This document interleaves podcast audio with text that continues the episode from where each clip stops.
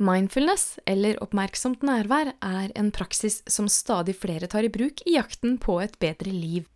Mindfulness er også på full fart inn i både offentlig skole, helsesektor og også i næringslivet.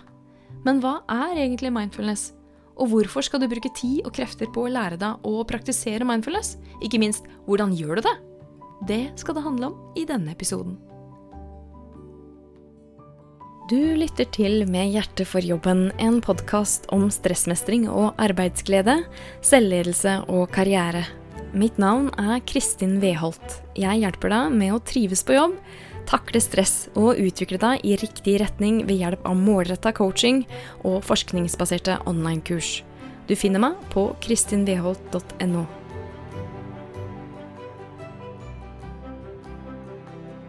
Hei, hei, kjære lytter. I dag skal jeg snakke om et tema som ligger mitt hjerte nær, og det er mindfulness. Jeg kunne snakket på inn- og utpust i lange tider om mindfulness og hvor fantastisk det er, men mindfulness er en praksis, så uansett hvor god du blir på mindfulness i teorien, så har det ingen betydning. Du må praktisere det, og derfor skal jeg også prøve å fatte meg i kortet, selv om det viser seg å være veldig vanskelig. Jeg vet ikke hvor mange ganger jeg har prøvd å spille inn denne podkastepisoden her, jeg. Jeg ble selv introdusert for mindfulness første gang i 2009. Da tok jeg et grunnkurs i buddhisme av rein nysgjerrighet, eh, og der var det selvfølgelig meditasjonspraksis inkludert. Og da fikk jeg første gang merke noen av effektene ved å sitte og meditere. Og det syntes jeg var veldig fint. Og så gjorde jeg det en stund, og så la jeg det på hylla, og så kom det noen år med alvorlig, langvarig stress på jobb og da tenkte jeg nå må jeg ta fram det der igjen. Nå må jeg begynne å meditere igjen. Og så leste jeg en bok som var et åtteukers kurs om hvordan du kunne beholde sinnsroen i en krevende hverdag. Da fulgte det med noen innleste meditasjoner og kroppsskanninger, og så merket jeg at wow, det gjorde en stor forskjell i hverdagen min. Og jeg tenkte dette her, den praksisen her, den må jeg bare beholde. Og så hadde jeg lyst til å bli skikkelig god på mindfulness. Hvilket er helt kontra hva mindfulness egentlig er, fordi mindfulness har ingenting med prestasjon å gjøre. Det er et begrep innenfor mindfulness som heter beginner's mind, som egentlig handler om hvordan du tilnærmer deg øyeblikket. Og du skal prøve å se det som en nybegynner hele tida. Barn er jo kjempe-mindfulle, for de har jo på en måte ikke blitt blasert av alle livserfaringene sine. Og det er litt den holdningen man skal ha da i mindfulness. Jeg hadde lyst til å bli skikkelig flink på det. Jeg er jo en sånn som helst skal ha en mastergrad i alt jeg driver med. Kanskje kjenner du deg igjen? Jeg vet at ikke jeg er aleine, om å være sånn. så jeg tenkte ok, hvordan kan jeg bli skikkelig god på det her? Jo, eh, den beste måten å skulle lære noe skikkelig på, det er å skulle undervise i det for noen andre. Så tenkte jeg ok, jeg skal bli mindfulness-instruktør. Så jeg meldte meg på en utdanning som jeg er sjeleglad for at jeg deltok på og jeg blei sertifisert mindfulness-instruktør i fjor.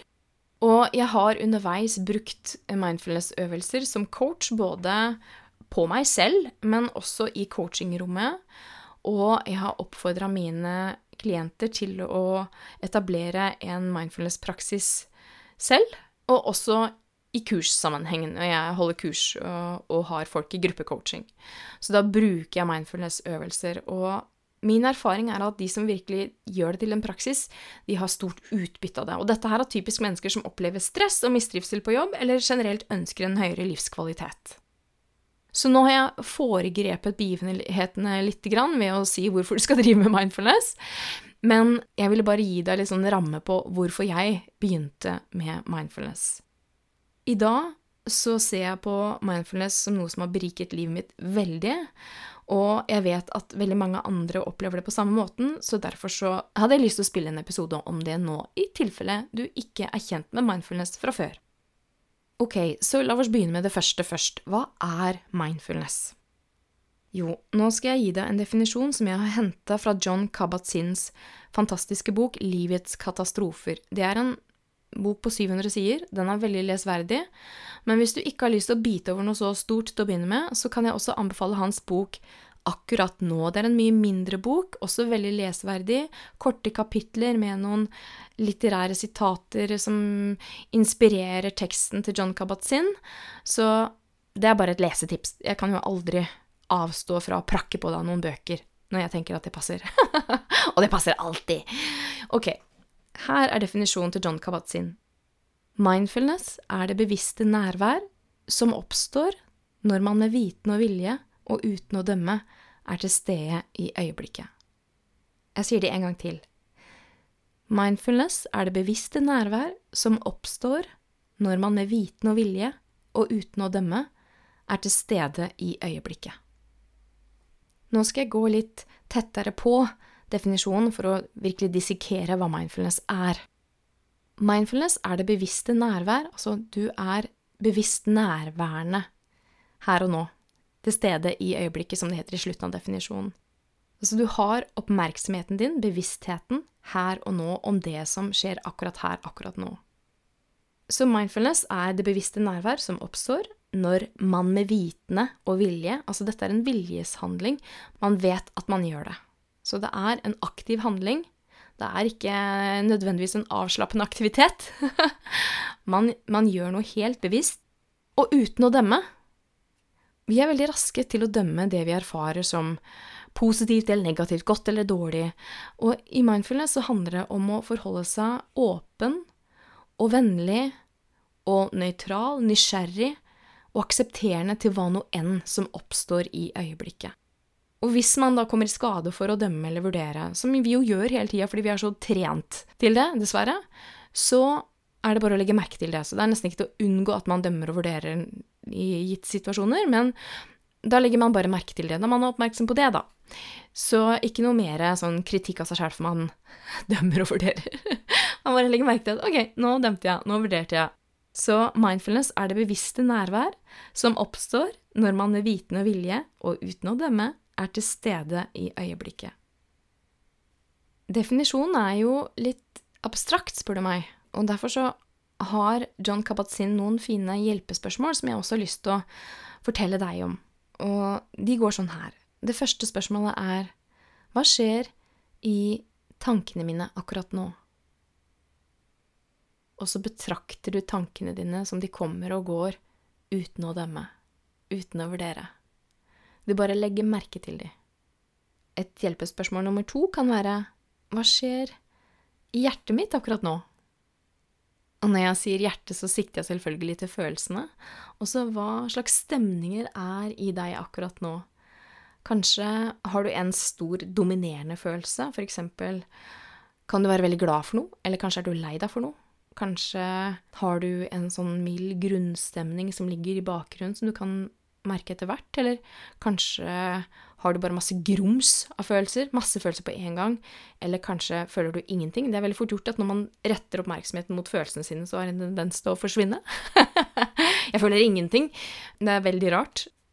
Det er det mange som opplever. Og så det tredje spørsmålet. Hva skjer i kroppen min akkurat nå?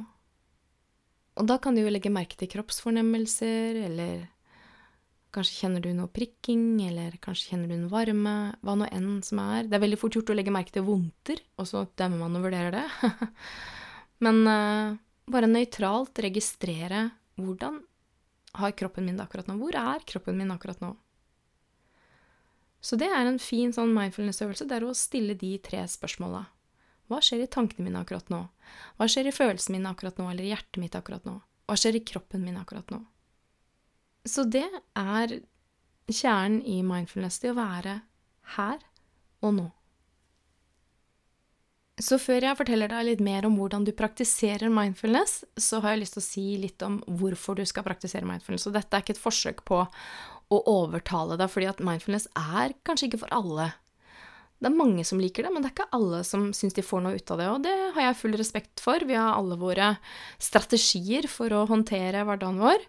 Men for dere som er nysgjerrige på mindfulness og lurer på hva kan jeg forvente Å, jeg kjenner paradoksen dukker opp i det jeg sier det, fordi at igjen så handler det ikke om prestasjon, og mindfulness har intet annet mål enn å være til stede her og nå med det som måtte dukke opp. Det er det du kan forvente, egentlig. Og av deg sjøl så handler det bare om å, å møte opp for det som er, sånn virkeligheten er sånn du erfarer den. Så eh, når jeg begynner å snakke om hvorfor du skal drive med mindfulness, så kanskje jeg skaper masse forventninger om hva du kan få ut av det, da. Og det er ikke sikkert at de innfris hos deg. Men det er nå gjort en del forskning, så jeg tar utgangspunkt i det forskningen sier. Og så kan du teste sjøl. Jeg velger jo å bruke mindfulness i min praksis som coach og kursinstruktør, og også personlig, fordi det har en positiv effekt på stress. Og det viser også forskningen helt klart. Når du setter deg godt til rette på stolen og vender oppmerksomheten din mot pusten, som er ganske vanlig i mindfulness, og du bare sitter og puster rolig og følger pusten med oppmerksomheten din, så aktiverer du det parasympatiske nervesystemet. Det parasympatiske nervesystemet er ett av to nervesystemer som er involvert når det gjelder stress og stressregulering i kroppen. Det sympatiske nervesystemet det er aktivert når du opplever stress. Og så har du det parasympatiske nervesystemet som har som jobb å balansere det sympatiske nervesystemet. Så det er kroppens egen evne til å regulere stress.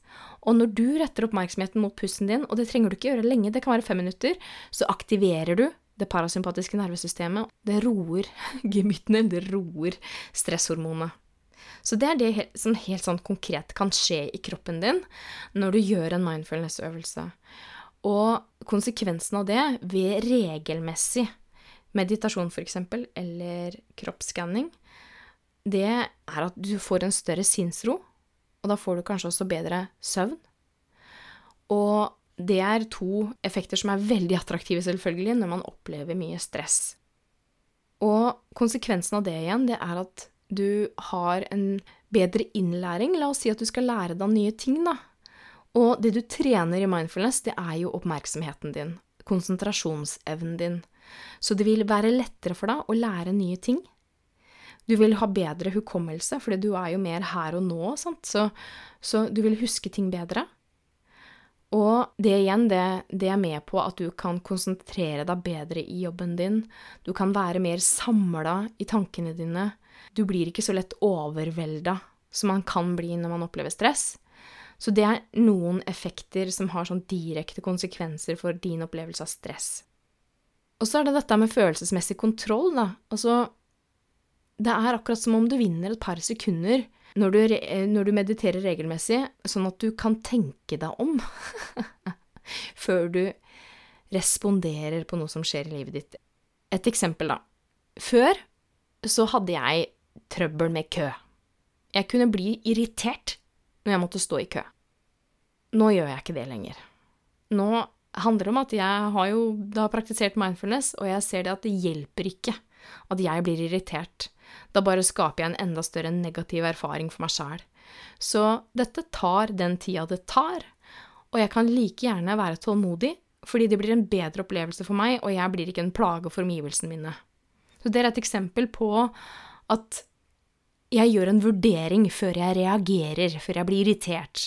Så hvis du har et hissig temperament, eller hvis du vet at du kan liksom reagere emosjonelt og litt for fort og skulle ønske du tenkte deg om, vel, mindfulness er én måte å trene den evnen til å regulere følelsene dine. En regelmessig mindfulness-praksis kan også gi deg en bedre selvoppfatning og bedre situasjonsforståelse. Det motsatte av å være mindful, det er å gå på autopilot. Kanskje har du opplevd noen ganger at du befinner deg i en situasjon hvor du bare reagerer automatisk og så kan det slå deg ettertid jøss, hvorfor reagerte jeg på den måten?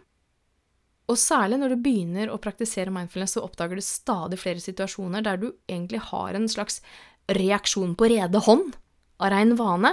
Det er autopiloten. Og vi trenger autopiloten i, i mange situasjoner i livet. Vi ville slite ut hjernen vår hvis den skulle finne ut nye mestringsstrategier for hver minste lille ting vi gjorde hver gang vi gjorde den. Noen ting trenger bare å skje uten at vi tenker over det, altså. Men ofte så jobber autopiloten vår på overtid, og da gjelder det å kunne overstyre den. Og det kan du gjøre med mindfulness. Så når du er mer mindful, når du er mer oppmerksom på det som faktisk skjer her og nå, så får du en bedre selvforståelse og en bedre situasjonsforståelse.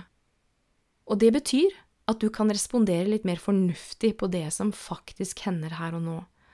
Du vil få et klarere bilde. Det er som om du har kjørt rundt i verden med veldig skitne bilvinduer, og så har du fått vaska de, og nå ser du ah, ok, nå skjønner jeg, nå ser jeg. Det kan være et bilde på hvordan du opplever situasjonen etter at du har blitt litt mer mindful. Og du blir også da bedre til å ta ulike perspektiver. Du kan se situasjonen litt utenfra, uten å være i dine følelser og tankers vold. Ta mer fornuftige, hensiktsmessige beslutninger i henhold til det som er bra for deg og omgivelsene dine. Så det er noen effekter av mindfulness. Jeg har lyst til å nevne én til som forskningen også er veldig tydelig på, og det handler om økt hverdagsglede. Det er gjort en stor studie på hverdagsglede av to Harvard-forskere som heter Killingsworth og Gilbert. De skrev en artikkel, altså hele studien munna ut i en artikkel som heter A wandering mind is an unhappy mind.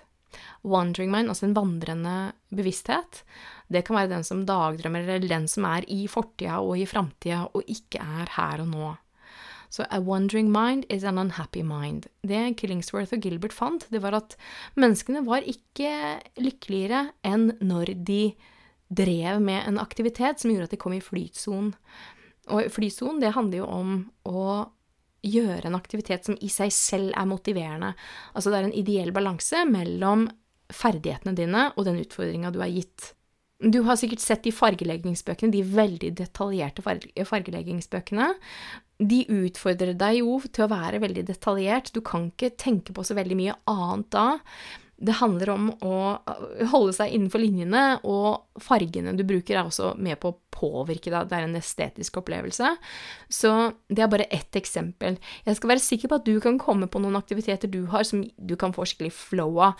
Eksempel strikking eller annen håndarbeid, eller Kanskje du driver med snekring eller et eller annet som du bare kan fordype deg i, og så glemmer du liksom tid og sted.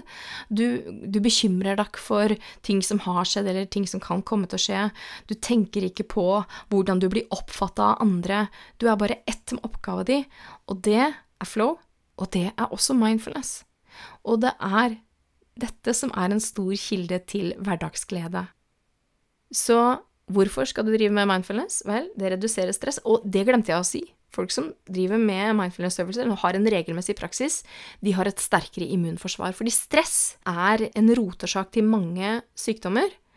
Og eh, stress reduserer immunforsvaret vårt, men når vi har en regelmessig praksis som reduserer stress, så vil vi også forebygge sykdom. Så vi reduserer stress, får bedre helse, styrker sinnsro og søvn, positiv effekt på, på innlæring og hukommelse og følelsesmessig kontroll og, og, situasjonsforståelse og økt hverdagsglede. What's not to like? Jeg mener Jeg skal ikke overtale deg til å begynne med mindfulness, altså. Så nå tror jeg kanskje at jeg har sagt ordet praksis, eller mindfulness-praksis, 37 ganger i løpet av denne podkasten her, så det er på tide å si noe mer om hva en praksis kan være. Vi skiller gjerne mellom formell praksis og uformell praksis. Den formelle praksisen handler om at du har en, en rutine med noen øvelser som kun har som formål å trene mindfulness eller oppmerksomt nærvær. Og det er typisk meditasjon eller kroppsskanning, eller meditasjon gjennom bevegelse, gjerne en kombinasjon av dette her. Og når jeg sier meditasjon gjennom bevegelse, så kan det være gående meditasjon, eller det kan være yoga, eller qigong. Så det er bare noen eksempler på øvelser du kan ha i en formell praksis. En uformell praksis kan handle om at du gjør en øvelse ved behov. Jeg oppfordrer gjerne de jeg coacher til å gjøre en sittende meditasjon rett før de skal inn i en vanskelig samtale, f.eks., eller kanskje de skal holde en presentasjon, eller de skal på et jobbintervju som de er nervøse for. Da kan du gjøre en mindfulness-øvelse for å grounde deg som det heter. Det er en uformell praksis. Den beste effekten får du selvfølgelig av en formell praksis, fordi en sånn one-off vil ikke løse veldig mange utfordringer for deg. Den virkelig, hva skal jeg si, dype effekten, den får du gjennom formell, regelmessig praksis. Og så er det noe som heter mindful living, eller mindfulness i hverdagen.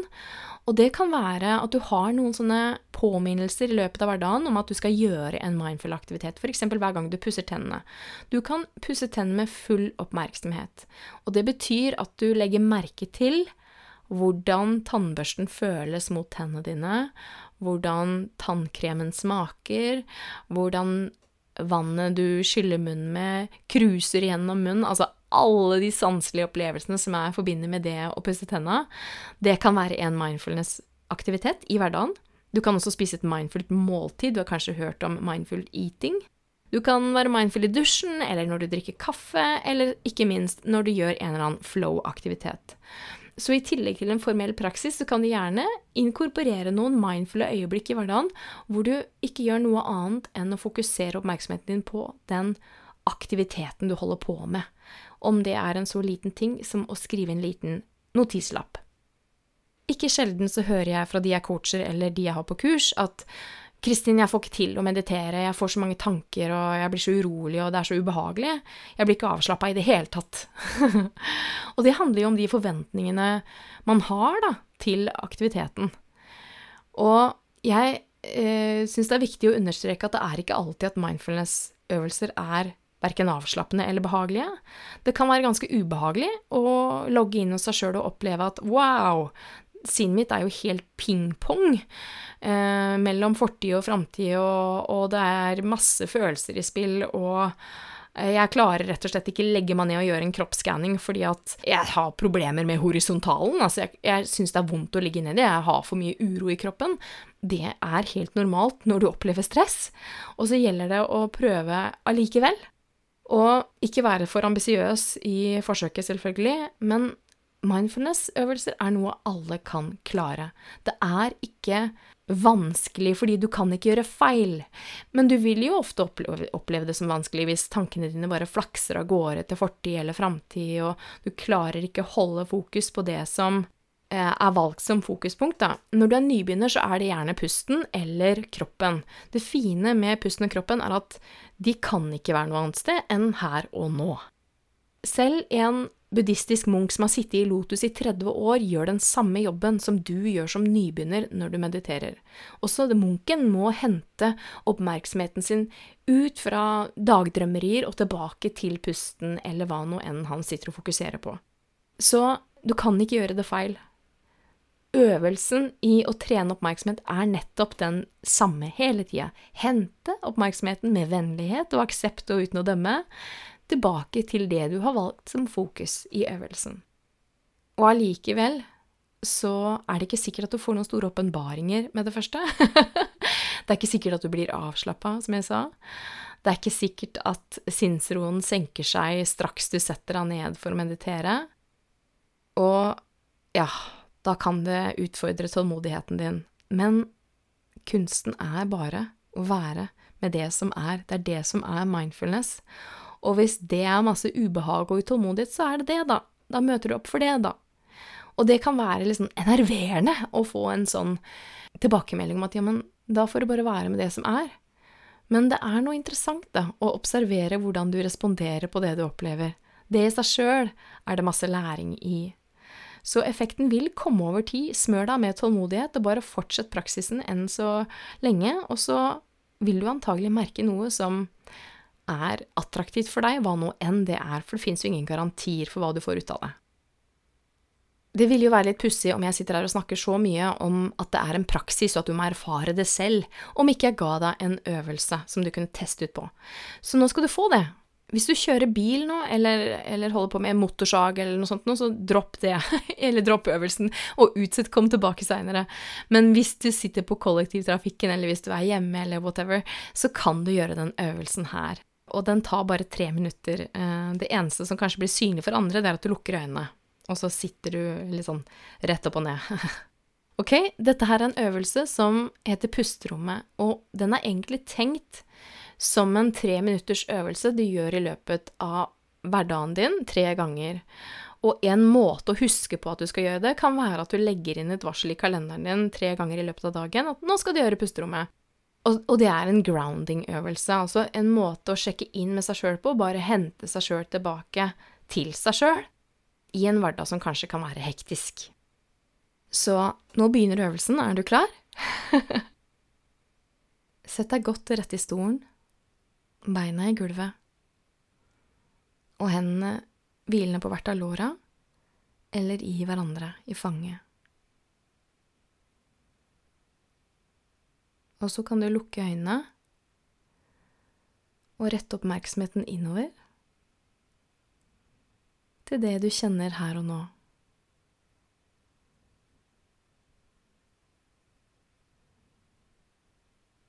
Spør gjerne deg sjøl hva er min opplevelse akkurat her, akkurat nå?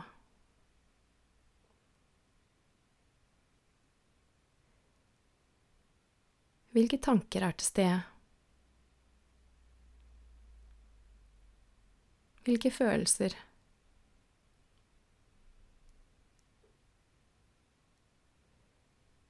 Hvilke kroppsfornemmelser?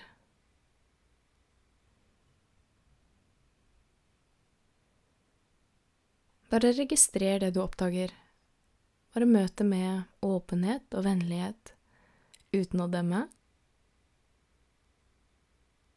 Bare vær med det som er, uten å prøve å forandre på det.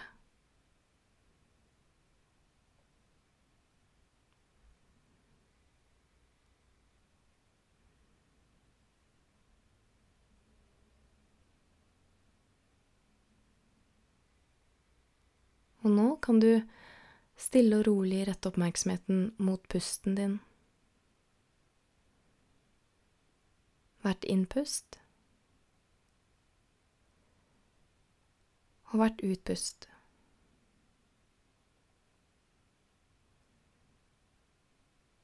Du trenger ikke puste på noen spesiell måte, bare la pusten puste seg sjøl. Bare følg pustens bevegelser inn og ut.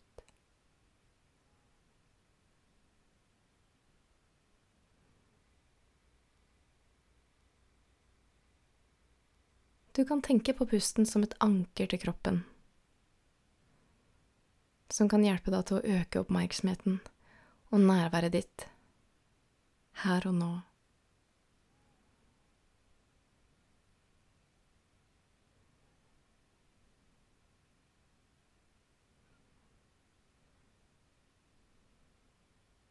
Og nå kan du utvide oppmerksomheten din rundt pusten,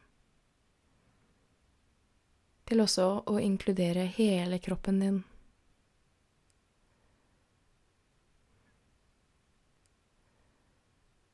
Kroppsholdningen.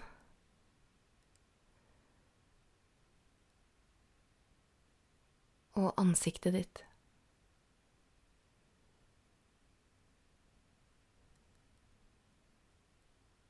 Og der ga du deg sjøl et pusterom. Den øvelsen her fikk jeg utdelt på instruktørutdannelsen min, som jeg tok hos Creation Work. Og de har igjen henta øvelsen fra en bok som heter Mindfulness-Based Cognitive Therapy for Depression, som er skrevet av Seagull Williams og Teasdale. Hvis du vil, så kan du få denne øvelsen her lest inn som en lydfil som du kan laste ned på mobiltelefonen din, helt gratis. Da går du til kristinveholt.no slash pusterommet, og der legger du igjen navn og e-post, og så får du tilsendt lydfila på e-post, og så kan du bruke den tre ganger i løpet av dagen, eller når du måtte ha behov for å grounde deg sjøl. Jeg har lyst til å gi deg fem tips til hvordan du kan starte en mindfulness-praksis, for kanskje har du lyst til å teste det nå, og så vet du kanskje ikke hvor du skal begynne. Det første tipset det er å begynne i det små. Ikke sett deg for at du nå skal gjøre mindfulness-øvelser mange ganger om dagen, med mindre det er en treminutters pusterom med den, kan du gjøre flere ganger om dagen. Men begynn i det små. Det er med mindfulness-praksis som med alle andre vaner. Det er ikke lett å opprettholde, så begynn i det små, ikke vær for ambisiøs. Og tips nummer to det er å begynne med noe enkelt. Og hva er enkelt i mindfulness-praksis? Jo, det er de øvelsene som gjerne tar utgangspunkt i kroppen og pusten. Så man begynner gjerne med kroppsskanning når man er helt ny i mindfulness.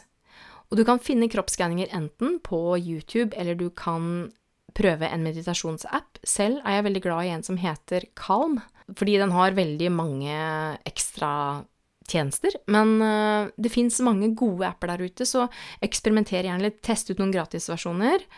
Men uh, begynn enkelt, og det kan gjerne være en kroppsskanning på ti minutter. Eller hvis du vil teste sittende meditasjon, så er det en som heter pusteankeret, eller breathing anchor, som også er en nybegynnermeditasjon. Og mitt tredje tips det er praktiser uperfekt. Altså, Du kan ikke gjøre det feil, og kanskje føler du deg som en stor kløne idet du begynner, kanskje glemmer du å gjøre det en det gjør ingen verdens ting.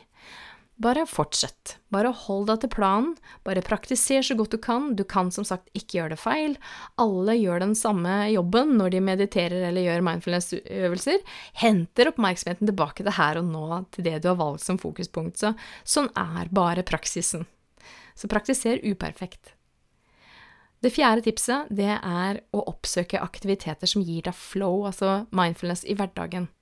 Prøv å inkorporere én aktivitet hver dag som du får flow, flow eller kommer i flytsonen av.